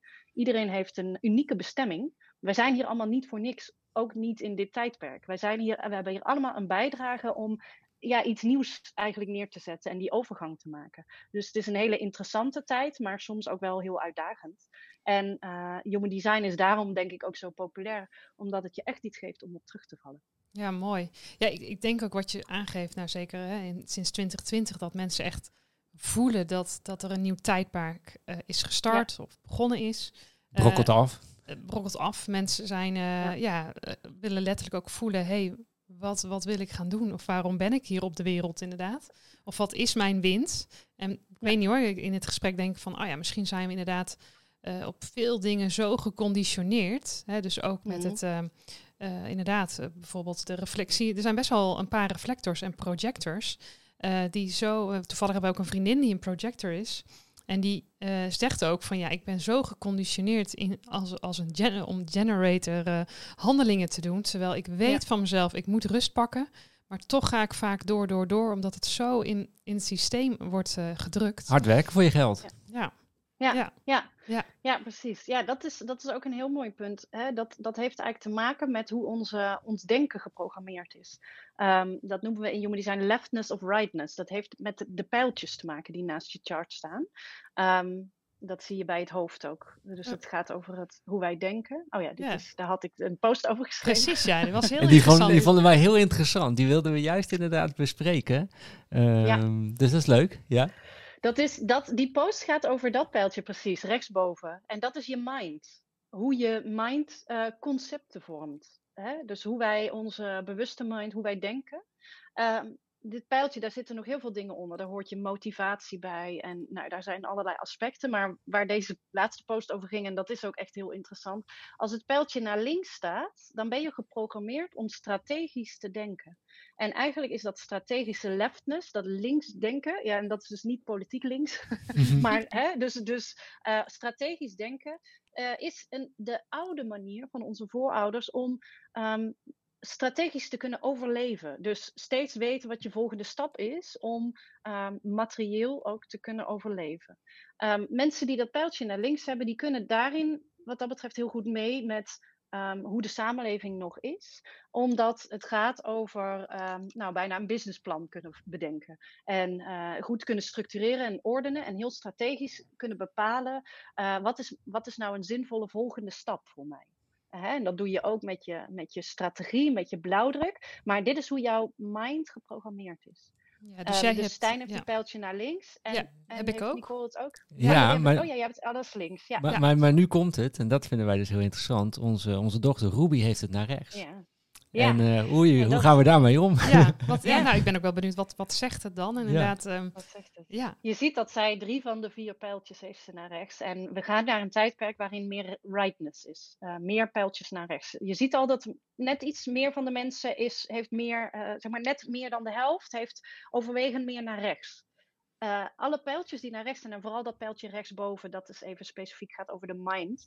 Uh, het pijltje naar rechts is meer ontvankelijk. Uh, Ruby is, denkt niet strategisch, maar zij denkt creatief, associatief. Sommige mensen noemen dat beelddenken. Wat het in Human Design is, het juist eigenlijk niet beelddenken, maar meer um, ja, uh, verbeeldend denken, zou ik dan zeggen. Um, hè, dus met je verbeelding, met je fantasie, uh, creatief dingen associëren. Zij is als een spons. Haar mind neemt alles in zich op. Zij leert eigenlijk het beste door heel goed op te letten. Dan weet ze het. Alleen is het, uh, het punt bij mensen met een pijltje naar rechts, zij weten niet wat ze weten. Ze weten niet de waarde van al die informatie. Dat is wat leftness uh, brengt. Hè? En die twee zijn dus ook bedoeld om met elkaar samen te werken. Leftness weet, oh, jij, jij bent die soort oceaan van informatie. Jij bent die spons. Jij, kan, jij bent een soort uh, ja, hè, jij golft en jij float in, in de wereld met alles wat je weet. Een pakhuis, een storehouse van informatie. Maar je weet niet wat je allemaal uh, omvat en wat je weet. Dus leftness kan dat er zo uitvissen. Ik vergelijk dat in mijn mm. posters ook als uh, met de vissers en de zee. Um, rightness zoals Ruby heeft, uh, zij heeft veel pijltjes naar rechts. Zij zal in het traditionele onderwijs eigenlijk helemaal niet echt op haar plek zijn. Want zij leert, en ik, sowieso veel kinderen van nu niet meer, maar zij leert niet op die schoolse gestructureerde strategische manier. dat strategische denken is heel erg gericht op je moet deze dingen kennen en dan uh, maak je je toets en dan heb je een voldoende. Uh, en dan weet je die dingen of zo. Uh, leftness weet wat, wat, wat je weet. Jullie weten wat je weet. Je weet gewoon, oh, ik moet deze dingen weten, want dan kan ik die stap maken bij Rightness, zij hebben geen idee. Zij kunnen niet bedenken wat nodig is om ergens te komen. Dat is ook helemaal niet waar ze hiervoor zijn. Zij zijn hier eigenlijk om in het nu aanwezig te zijn en verbonden te zijn met het hele veld, uh, met de hele oceaan. Um, waar Leftness heel specifiek en gefocust en diepgaand is en gedetailleerd is. Dus die twee kunnen heel mooi met elkaar samenwerken. Maar als wij het onderwijs, het systeem, de wereld, als wij proberen van iedereen één gehomogeniseerd geheel te maken, ja, dan doe je echt tekort aan de, aan de creatieve gaven van kinderen zoals Ruby. Zij, komt met, zij heeft sowieso wel een apart, dat is wel apart hoor, want ze heeft inkleuringen in uh, het denken hier. En toch een right brain, right mind. Dat, die combinatie zie je niet zo vaak. Uh, en ze heeft een bijzonder profiel trouwens ook. Maar voordat ik daar helemaal op inga. Um, Mag hoor, vinden uh, wij ja, leuk. Dat ja, ja, dat is ook leuk. Ja, Daar kunnen we het zo over de profielen ook nog even kort hebben.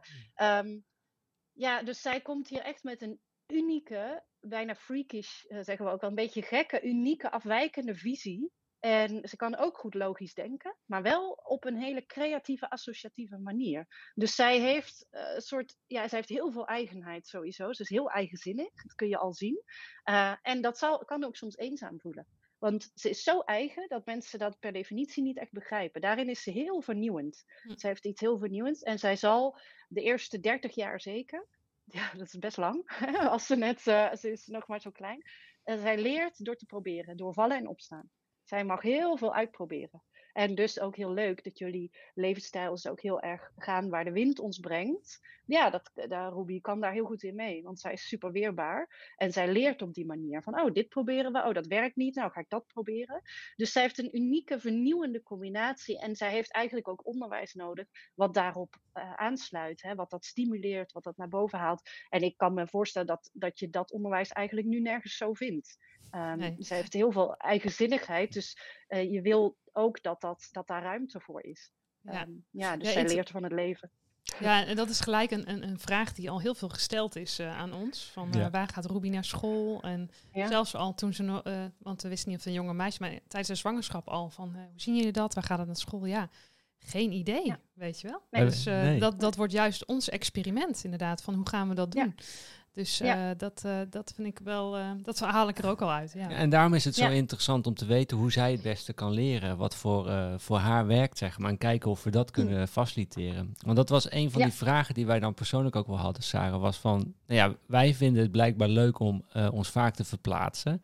En dus wij zijn vaak drie maanden op een plek en dan gaan we weer naar een nieuwe plek. En dat gevoel is er nu weer. We zijn nu weer een aantal maanden dan in Malacca. We hebben het hier onwijs naar ons zin. Voelen ons hier enorm thuis. Hele lieve mensen om ons heen. En toch zeiden we gisteren tegen elkaar van ja, we weten al dat we naar Portugal gaan uh, voor vier maanden. Uh, ik kijk daar ook weer naar uit. Ik, ik voel ook weer de drang om weer te gaan, zeg maar. En ja, wij voelen van, ja. ja. leuk om weer te verplaatsen. En, um, ja. Dus dat is wel iets, we hebben ja. daar zelf wel een visie over hoe we dat voor maar, zien. Maar... maar de vraag is, past dat eigenlijk wel bij ons profiel? En past het bij het ja. profiel van, uh, van Ruby? Ruby? Of, of denken ja. wij iets dat wij dat leuk vinden, maar past het eigenlijk helemaal niet bij onze profielen? Is dat die energie die we hebben? Van, gaan. ja, en, uh, en, ja, en misschien een keuze maken die eigenlijk dan misschien niet klopt. Hè? Dat, die vraag, dat hoor ik vaker van ouders. Van, hè, is mijn leefstijl eigenlijk wel um, geschikt voor mijn kinderen? Hebben zij niet andere behoeften? Um, ja, misschien kun, kun je even jullie beide charts laten zien, of, of een van de twee.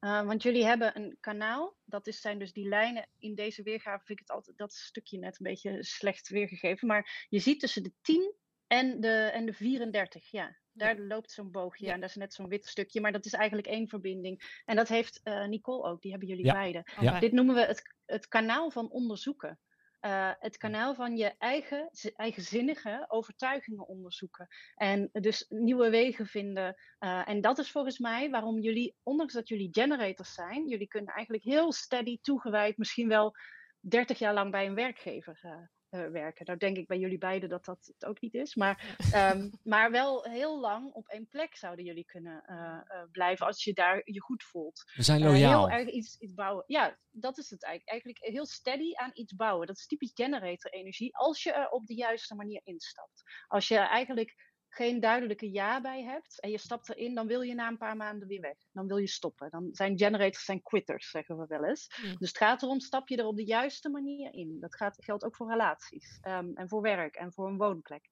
Uh, maar jullie hebben dus wel dat kanaal van onderzoeken. En dat kan betekenen dat je voelt van ik wil eigenlijk weer nieuwe wegen onderzoeken. Ik zie dat ook wel eens bij mensen die dus um, ja, een eigen bedrijf hebben. Sowieso, dat is dat andere kanaal 4426. Hebben jullie ook beide. Dat is wel, wel leuk. Tussen het ego, dat kleine driehoekje en uh, ja. ja. precies die.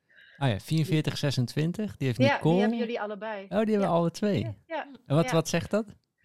Dat is, we noemen dit het kanaal van de, transmitter, de zender. Uh, dit is waarom jullie nu achter een microfoon met een koptelefoon op uh, radio, ik zeg wel eens radiomakers, podcastmakers, maar ook de verkoper. Uh, jullie zijn goed in een verhaal overbrengen, een boodschap verkopen, als het ware. bij dit kanaal hoort specifiek um, een goede deal sluiten. Het is heel tribal energie. Ook weer een goede deal sluiten tussen investering en opbrengst, tussen werken en rusten. En vaak zie je dat mensen met dit kanaal niet acht uur lang voor een baas achter een computer kunnen werken. Wat jij, jullie beiden, denken, ja, ik kan dat ook in, in uh, twee uur tijd. En in die andere uren doe ik, doe ik iets anders. Uh, dus het moet een goede deal zijn. En heel waarschijnlijk bij een werkgever heb je nooit een optimale deal. Daarbij hebben jullie dus dat kanaal van eigenzinnig onderzoeken je eigen overtuigingen onderzoeken, je eigen weg gaan. Het kan een beetje, zelfs een beetje egocentrisch overkomen op anderen. Ja, uh, ja. En dat mensen dat zeggen, hè, van ja. ja. maar is dat nou wel goed voor jullie kindje? Hè, dat doen jullie alleen maar omdat jullie dat zelf willen. Dit is waarin jullie eh, echt companionship hebben, zo noemen we dat. Dezelfde kanalen. Ik denk dat dat ook echt is waarom jullie heel erg bij elkaar passen. Daar zit een heel erg gelijkwaardige energie in. Ehm, maar Ruby heeft, dat, die heeft niet dat kanaal. Ja. Ehm, zij heeft weer hele andere uh, aspecten. Je ziet, ze heeft alles in het midden daar. Echt zo'n hele stroom eigenlijk. Meer bij de keel, hè? Zo. Ja. Ja, van, van het, het Ajna-centrum noemen, noemen we dit. Het denken naar de keel. En dan weer naar de identiteit, die in het midden, die ruit. En dan naar het sacraal. Dat loopt zo helemaal door. Oh ja. Ja, ja dat is allemaal individuele energie. Heel eigenzinnig. Heel erg um, uh, uh, ja, dat ja. zien jullie. Ik weet niet of jullie dat al merken aan me. Nee, nee, nee, nee want ze is heel flexibel naar ons toe. Ze is zo lief naar ons uh, to, vrolijk, tot nu toe. Uh, ja. ja nee, ik weet niet. Nou, maar is, ik denk ook lastig, heel eerlijk, persoonlijk. Ze is natuurlijk nu drieënhalve maand. Hoe kun je dan die eigenzinnigheid zien? Is dat in de, in de, nou, de ja, lach? Dat, of in dat de... zie je ook nog niet zo. Ja, ja, ja. waarschijnlijk uh, bij een babytje. Maar zij, zij is hier om echt om haar eigen pad te gaan. Heel, heel, creatief is ze ook. Een creatief rolmodel. Ze heeft een unieke visie. Een heel eigen kijk op dingen. Zij zal daar ook, ze heeft een cross of explanation, zoals je daar ziet staan. Zij is hier ook om steeds weer opnieuw uitleg te geven aan hoe zij de wereld ziet. En mensen zullen dat niet altijd begrijpen. Maar heeft ze gelukkig ook nog het logische denken. Ja, het, het kanaal van structureren in het uh, 1762 is, is, tussen het Arjuna Centrum en de Keel daarnaast. Ja, die daar, die naast die, ja precies.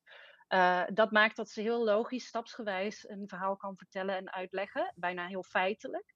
Um, dus, maar zij is hier echt om misschien ook wel een, een, leraar te worden en uh, te teachen. Maar dan op haar hele creatieve, eigenzinnige manier. Ze is super creatief.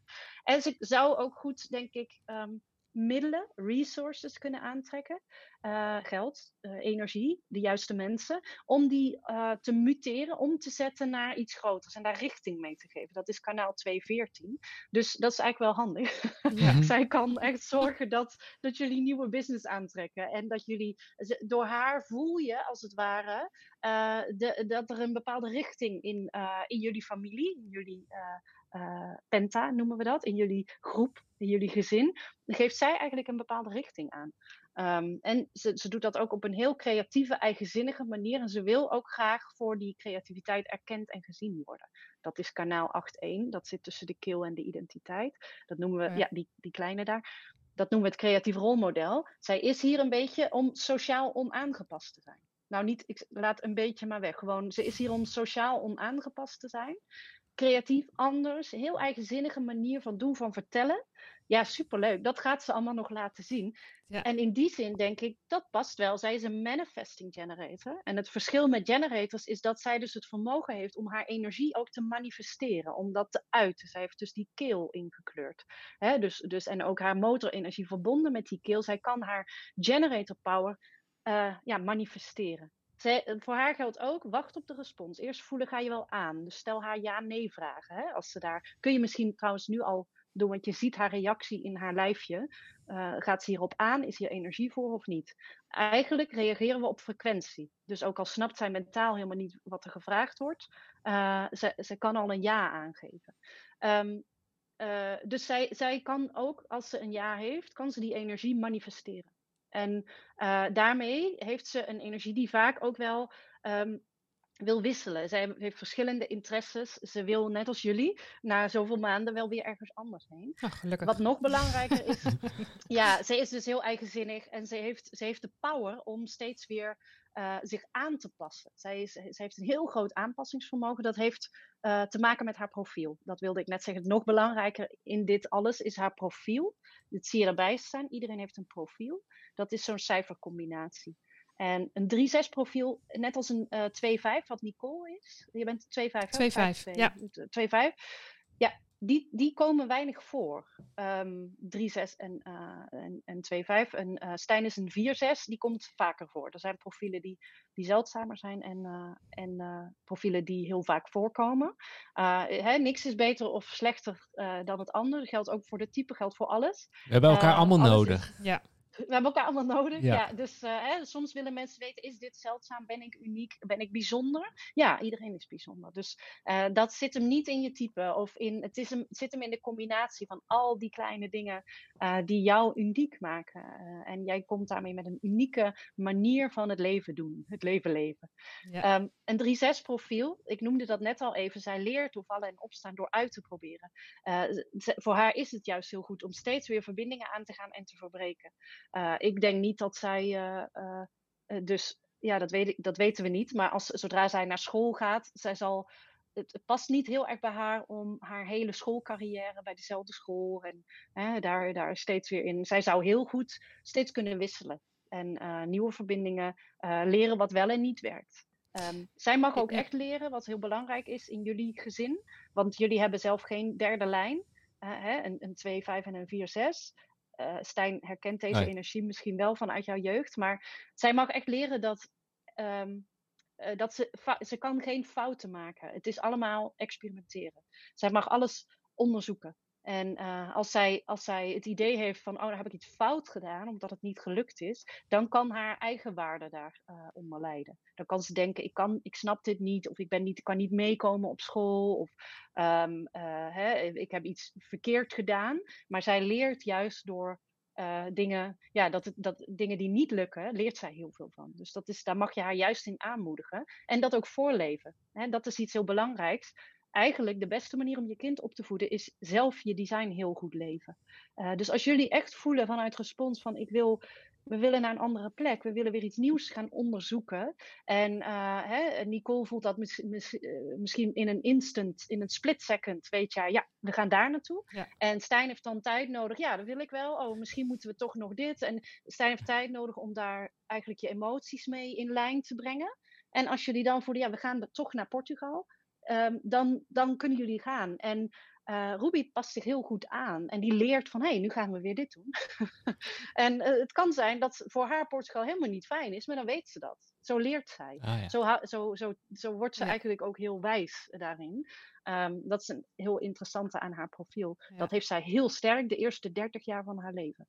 Uh, ja, leren door vallen en opstaan. Ja, het is heel waardevol. Ik hang echt helemaal aan je lippen. Volgens mij de kijkers ook. En ik denk dat ook heel veel herkenbaarheid zit voor, voor mensen. Maar ja, dit is sowieso al heel, heel fijn om te weten. Weet je wel, van, uh, ik heb echt zoveel dingen al opgeschreven. Maar uh, bijvoorbeeld inderdaad dat wij dus nu naar Portugal gaan. we hebben ook een al andere keuze of we dit jaar naar Brazilië willen of niet. Ja. Ik voel die al heel sterk. Dat wil ik doen. We hebben daar uh, twee, anderhalf jaar geleden een stuk grond gekocht. En ik zei ook, het is... Wow. Maar daar komt denk ik dat voelen weer. Ik zei letterlijk tegen Stijn, ik denk dat het goed is om daar naartoe te gaan. Ook om het letterlijk weer te voelen. Want toen we daar waren, hebben we...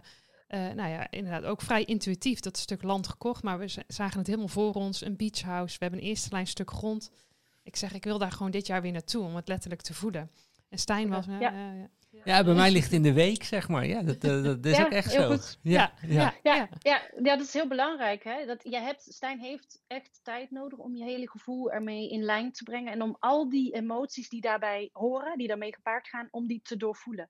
En Nicole kan dan een beetje zoiets, als je dat niet weet, van ja, het voelt gewoon goed, laten we het gaan doen. Um, en dat is, dat is even een, rekening houden daarin met elkaar. Wat ook een hele mooie aanvulling natuurlijk is. Want um, Stijn ervaart misschien dit hele plan op, op veel meer uh, andere lagen. Jij ziet het vanuit veel meer perspectieven, als het ware, emotionele perspectieven. Dan Nicole he heeft daarin heel erg, ja, bijna die zwart-wit focus. Heel erg bijna zakelijk. Hè? Dat is, ik zeg dan wel eens, dat is meer de koele energie. Heel, een beetje de ijskoningin. Jij bent echt in de split zeggen, zeg je ja of nee. Eigenlijk, als je dat goed uh, volgt, die strategie. En um, Stijn heeft daarin een hele warme energie. Heel erg um, uh, emotioneel. Dus heel erg alle kanten, heel gepassioneerd, heel gelaagd, heel diepgaand, maar soms ook complex. Uh, want dat kan ook verwarrend zijn. Dus het is belangrijk om daarin dus die rust te ervaren. En dan kunnen jullie zo'n uh, zo'n stap zetten. Ik ga er ook helemaal op aan. Dus ik, ik, kan, ik ben een projector. Ik ben open in het sacraal. Ik kan altijd voelen. In gesprekken doe ik heel vaak zo met mensen, ook online. Um, ik kan voelen, als jullie het ergens over hebben, of daar sacrale energie op zit of niet.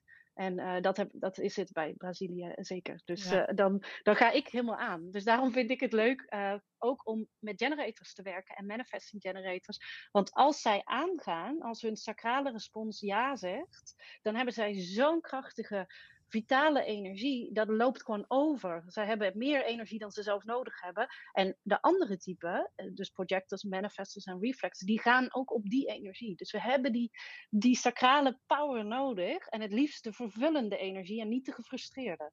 Want dat voel ik ook als het gefrustreerd is. En dan hebben we dus een gefrustreerde wereld van mensen die allemaal in werkrelaties, wonen, woonsituaties zitten waar ze eigenlijk helemaal niet in willen zitten.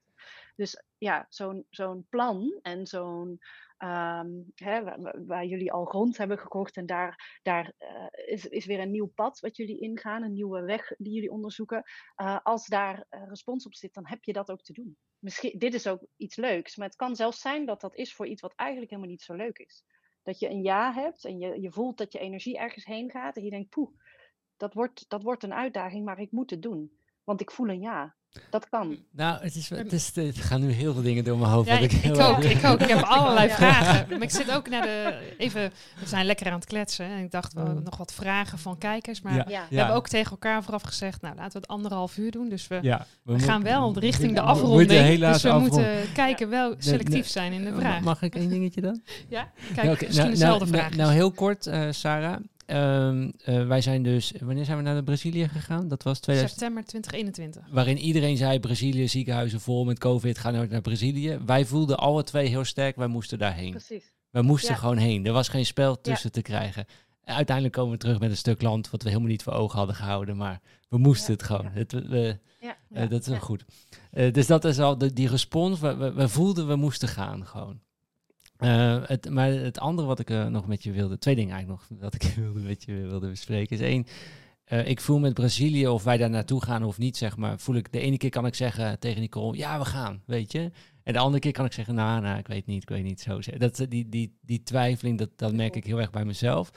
Maar ergens diep van binnen weet ik eigenlijk, weet ik het antwoord eigenlijk al. Is dat in strijd met mijn profiel? Dat ik, want vaak Ja, weet ik het eigenlijk al, weet ik het heel snel al wel.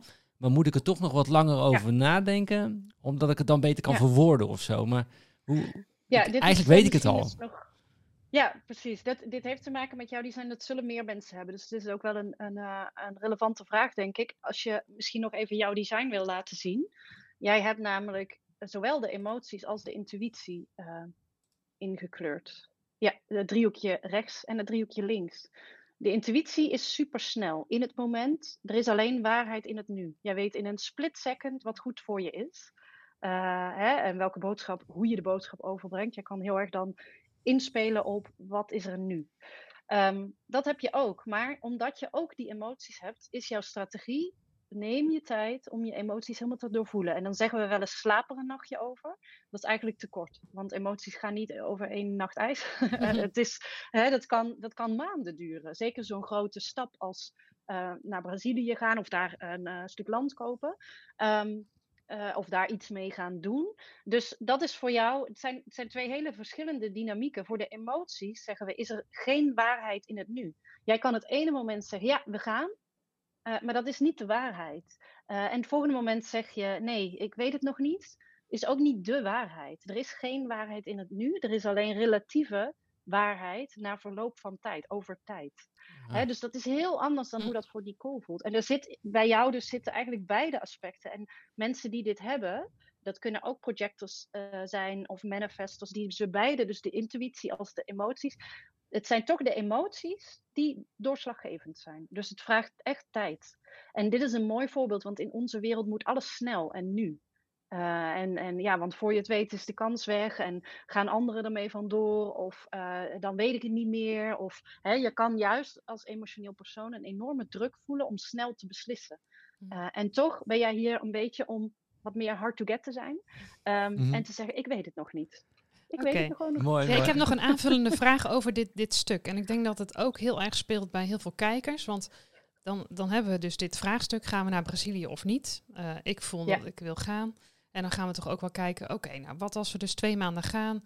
Eh, dan komt eigenlijk het stukje money mindset om de hoek kijken. Van oké, wat gaat het ons kosten? Nou, dit is, dit is wat we de, Hè, vliegt, uh, vliegticket, uh, verblijf. Nou, dus dan heb je een bepaald bedrag.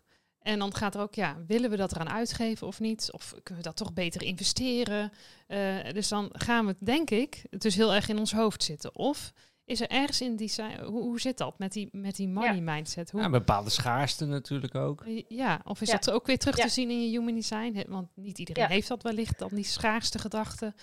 Ja, ja dat is ook iets wat in de maatschappij heel erg zit. Hè? En dat is oude conditionering. Eigenlijk, we zijn opgevoed om um, ja, uh, te denken van welke strategische stap moet ik zetten om te kunnen overleven en mijn concurrentie te slim af te zijn. Dus als ik die move maak, is dat dan slim voor mijn overleving, als het ware. En dat gaat uit van tekort.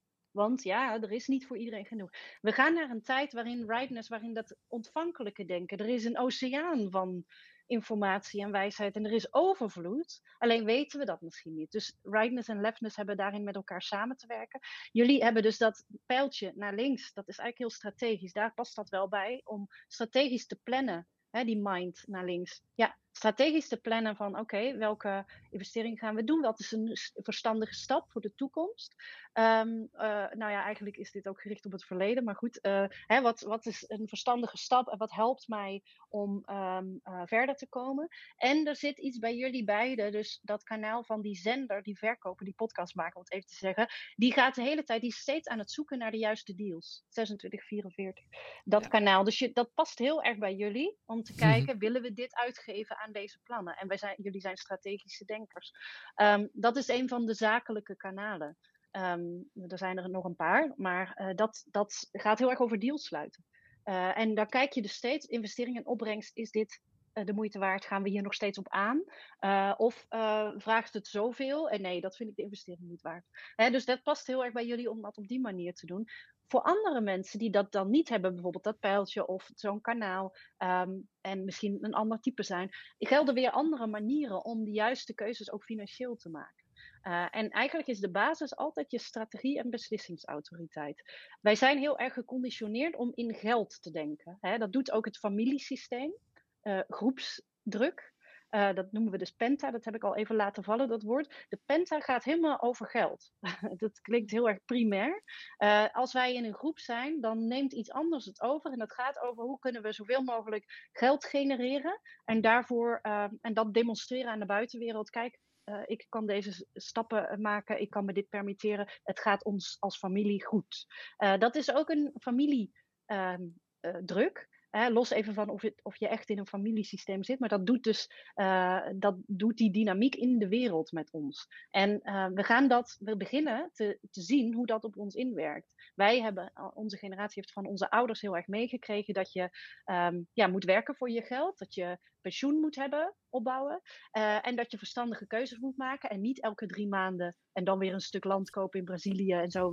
Hè, dat zullen jullie niet zo geleerd hebben waarschijnlijk van jullie ouders of misschien zijn jullie ouders daarin dan uh, afwijkend, maar het systeem leert ons dat niet. Um, en dat is iets waar Human Design ook bij kan helpen om te gaan kijken van hey, hoe werkt dat dan voor mij? Hoe kan ik keuzes maken? Um, en geld is eigenlijk een gevolg daarvan en niet een doel. Uh, dat is een beetje dat oude lefness denken, wat nog heel erg in onze wereld aanwezig is. Van uh, ik moet steeds denken aan uh, heb ik nogal dadelijk uh, ook nog te eten? En is dit een strategisch een slimme move? Um, eigenlijk gaan we naar een tijd waarin dat helemaal niet meer werkt. Ook die deals sluiten, dat gaat niet meer op die manier werken.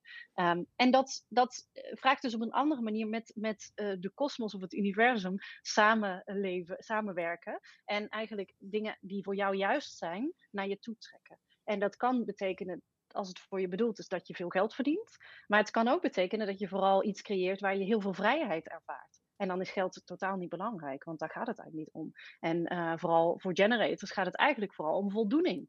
Hè? Dus, dus geld is altijd een, een, uh, iets waar je rekening mee hebben te houden. En dat kan ook beperkingen opleggen. Maar de belangrijkste vraag is: geeft het jullie ultieme voldoening om naar Brazilië te gaan en die, die kosten te investeren? Mooie vraag. Uh, ja. ja. Mooi. Dat is, dat is de doorslaggevende factor, ja. Ja, heel cool. Daar kunnen we onwijs veel mee. eh uh, dus dankjewel daarvoor, Sarah. Ik, ik heb nog één vraagje, als dat nog mag. En dan, uh, dan moeten we afronden, gewoon ook uh, qua, qua tijd. In ieder geval, uh, Wanda zegt, Sarah is fantastisch. Zoveel kennis. Dus we krijgen hele leuke reacties ook in, de, in ja. de chat. Maar ik denk dat ik nog wel één vraag heb die ook, ook voor andere mensen speelt. En ook nou, persoonlijk voor mezelf, ook misschien wel bij Nicole. Is bijvoorbeeld, nou, wij hebben dat idee en het gevoel dat wij op uh, vijf plekken in de wereld vijf huizen straks uh, hebben, zeg maar. Um, nou, vind ik helemaal prima, kan ik helemaal omarmen, heb ik geen emotie over en, en, en gewoon, snap je? Uh, ook, ook, ook, over geld, weet je, geld is neutraal en geld is versterker en ik heb vol liefde voor geld. Alleen, wat me wel af en toe afvraagt, dan gaan we naar Brazilië, gaan we daar weer een huis bouwen. Is dat nou, zijn wij nou zo heel materialistisch dan, zeg maar? Of... Ja, hoe kan ik dat nou benaderen, zeg maar? Is, dat, is, is het voor ons materialisme of zit er iets anders achter? Hoe, um, en in het nieuwe tijdperk, hoe gaan we... Want volgens mij las ik ook iets over jou, over materialisme, dat het minder belangrijk gaat worden. Het gaat meer om de spirit, ja. zeg maar. Dus dan, dan zit ik dat ook ja. weer te lezen. Waarom moet ik ja. zo nodig nog een extra huis? We, we hebben het hier ook al goed. We hebben, en, en we vinden podcasts het leukste, zeg maar. Of we kunnen er ook naartoe zonder een huis te hebben. Ja, ja. ja, maar, maar, maar toch voel ik dat we op vijf plekken vijf huizen gaan hebben. Dat... Ja, ja, en dan is ook weer dus de vraag, oh ja, ik zit even ook naar jullie, uh, nou voor Stijn, jouw, um, naar je incarnation cross. Dat is iets wat, wat je misschien ook erbij ziet staan. Um, uh, iedereen thuis ook bij je, bij je chart. Um, Stijn heeft een, een uh, right angle cross of planning, zoals we dat noemen. en de cross of planning is het thema van onze wereld geweest de afgelopen ruim 400 jaar. En in 2027 gaan we naar een ander thema. Dat is ook zeg maar, het, het incarnatiekruis van de wereld, van ons, onze samenleving, zoals wij dat daardoor beïnvloed worden. En dat is wat ik al noemde, dat gaat dus heel erg over eigenlijk in die zin inderdaad materialistisch plannen, deals sluiten uh, voor de tribe. Hè? Als we een goede deal sluiten, jij doet dit voor mij, ik, ik doe dit voor jou, dan kunnen we elkaar supporten, kunnen we elkaar ondersteunen. Dat is niet eigenzinnig, egoïstisch bedoeld. Dat is um, uh, bedoeld juist om iets voor de gemeenschap uh, op te bouwen. Um, dat is voor Stijn eigenlijk blijft dat belangrijk om de juiste investeringen te kunnen doen. En je focus te brengen op de juiste, uh, uh, nou ja, zoveel huizen willen we. Um, wat jullie precies met die huis gaan doen, dat is ook nog de vraag. Hè? Ga dat je, weten we ook. Jezelf? Ja, precies. Ja. Dus, dus da en dan is het, kijk, als het klopt met je design en je voelt gewoon van ja, maar daar gaan we op aan en dat, dat, um, dat resoneert heel erg en uh, daar, dat voelt goed, om het even zo in algemene woorden te zeggen. Uh, dat geeft voldoening. Dan is, dat, is het materiële, uh, kan voor sommige mensen heel erg het juiste zijn. Um, en zeker bij, bij Stijn dus, het zit in jouw hogere bestemming om met materie bezig te zijn.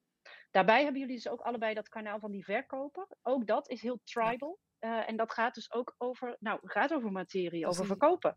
Hè? Kopen en verkopen. Uh, dus goede deals sluiten voor, voor al die huizen. Zodat jullie daar misschien wel hele mooie resorts kunnen gaan uh, creëren. Of, of in een, bij een aantal van die huizen. En mensen gaan ontvangen en mensen um, helpen met bewustzijn, money mindset, alles wat jullie nu ook al doen. Um, misschien ook iets met onderwijs, opvoeding, lichaamswerk, van alles. Hè? En dan is de vraag, ja, is dat dan slecht? Nou, dat denk ik niet. Ik denk dat dat dus heel erg bij jullie missie past. Dus um, ja, ja, mooi. En, en, nou, en, ja. nou, en dat is het. Dus kijk, ik weet niet of jij het vroeger het programma Villa Velderhof, uh, of je dat nog kent. Ja keek ik ja. altijd naar als kind. Ik vond het gewoon mooi. En dat zou ik dus heel graag in Brazilië willen doen. Uh, mensen daar uitnodigen, mee de natuur innemen. Uh, Nicole is heel goed ook met video, documentaires maken, vindt ze onwijs leuk. Um, ja. ja. dat zien we dan voor ons. En dan denk ik van ja, uh, praat mijn ratio dat nou dan weer goed, zeg maar, dat het geoorloofd is om dat huis te hebben? Of, of klopt het gewoon, ja. weet je? Het is gewoon zoals het is. En, ja. ja. ja, nou ja, dat... Ik, ik, denk dat het, dat het heel belangrijk is om te voelen, zit er energie op? Ja, ik voel die heel erg.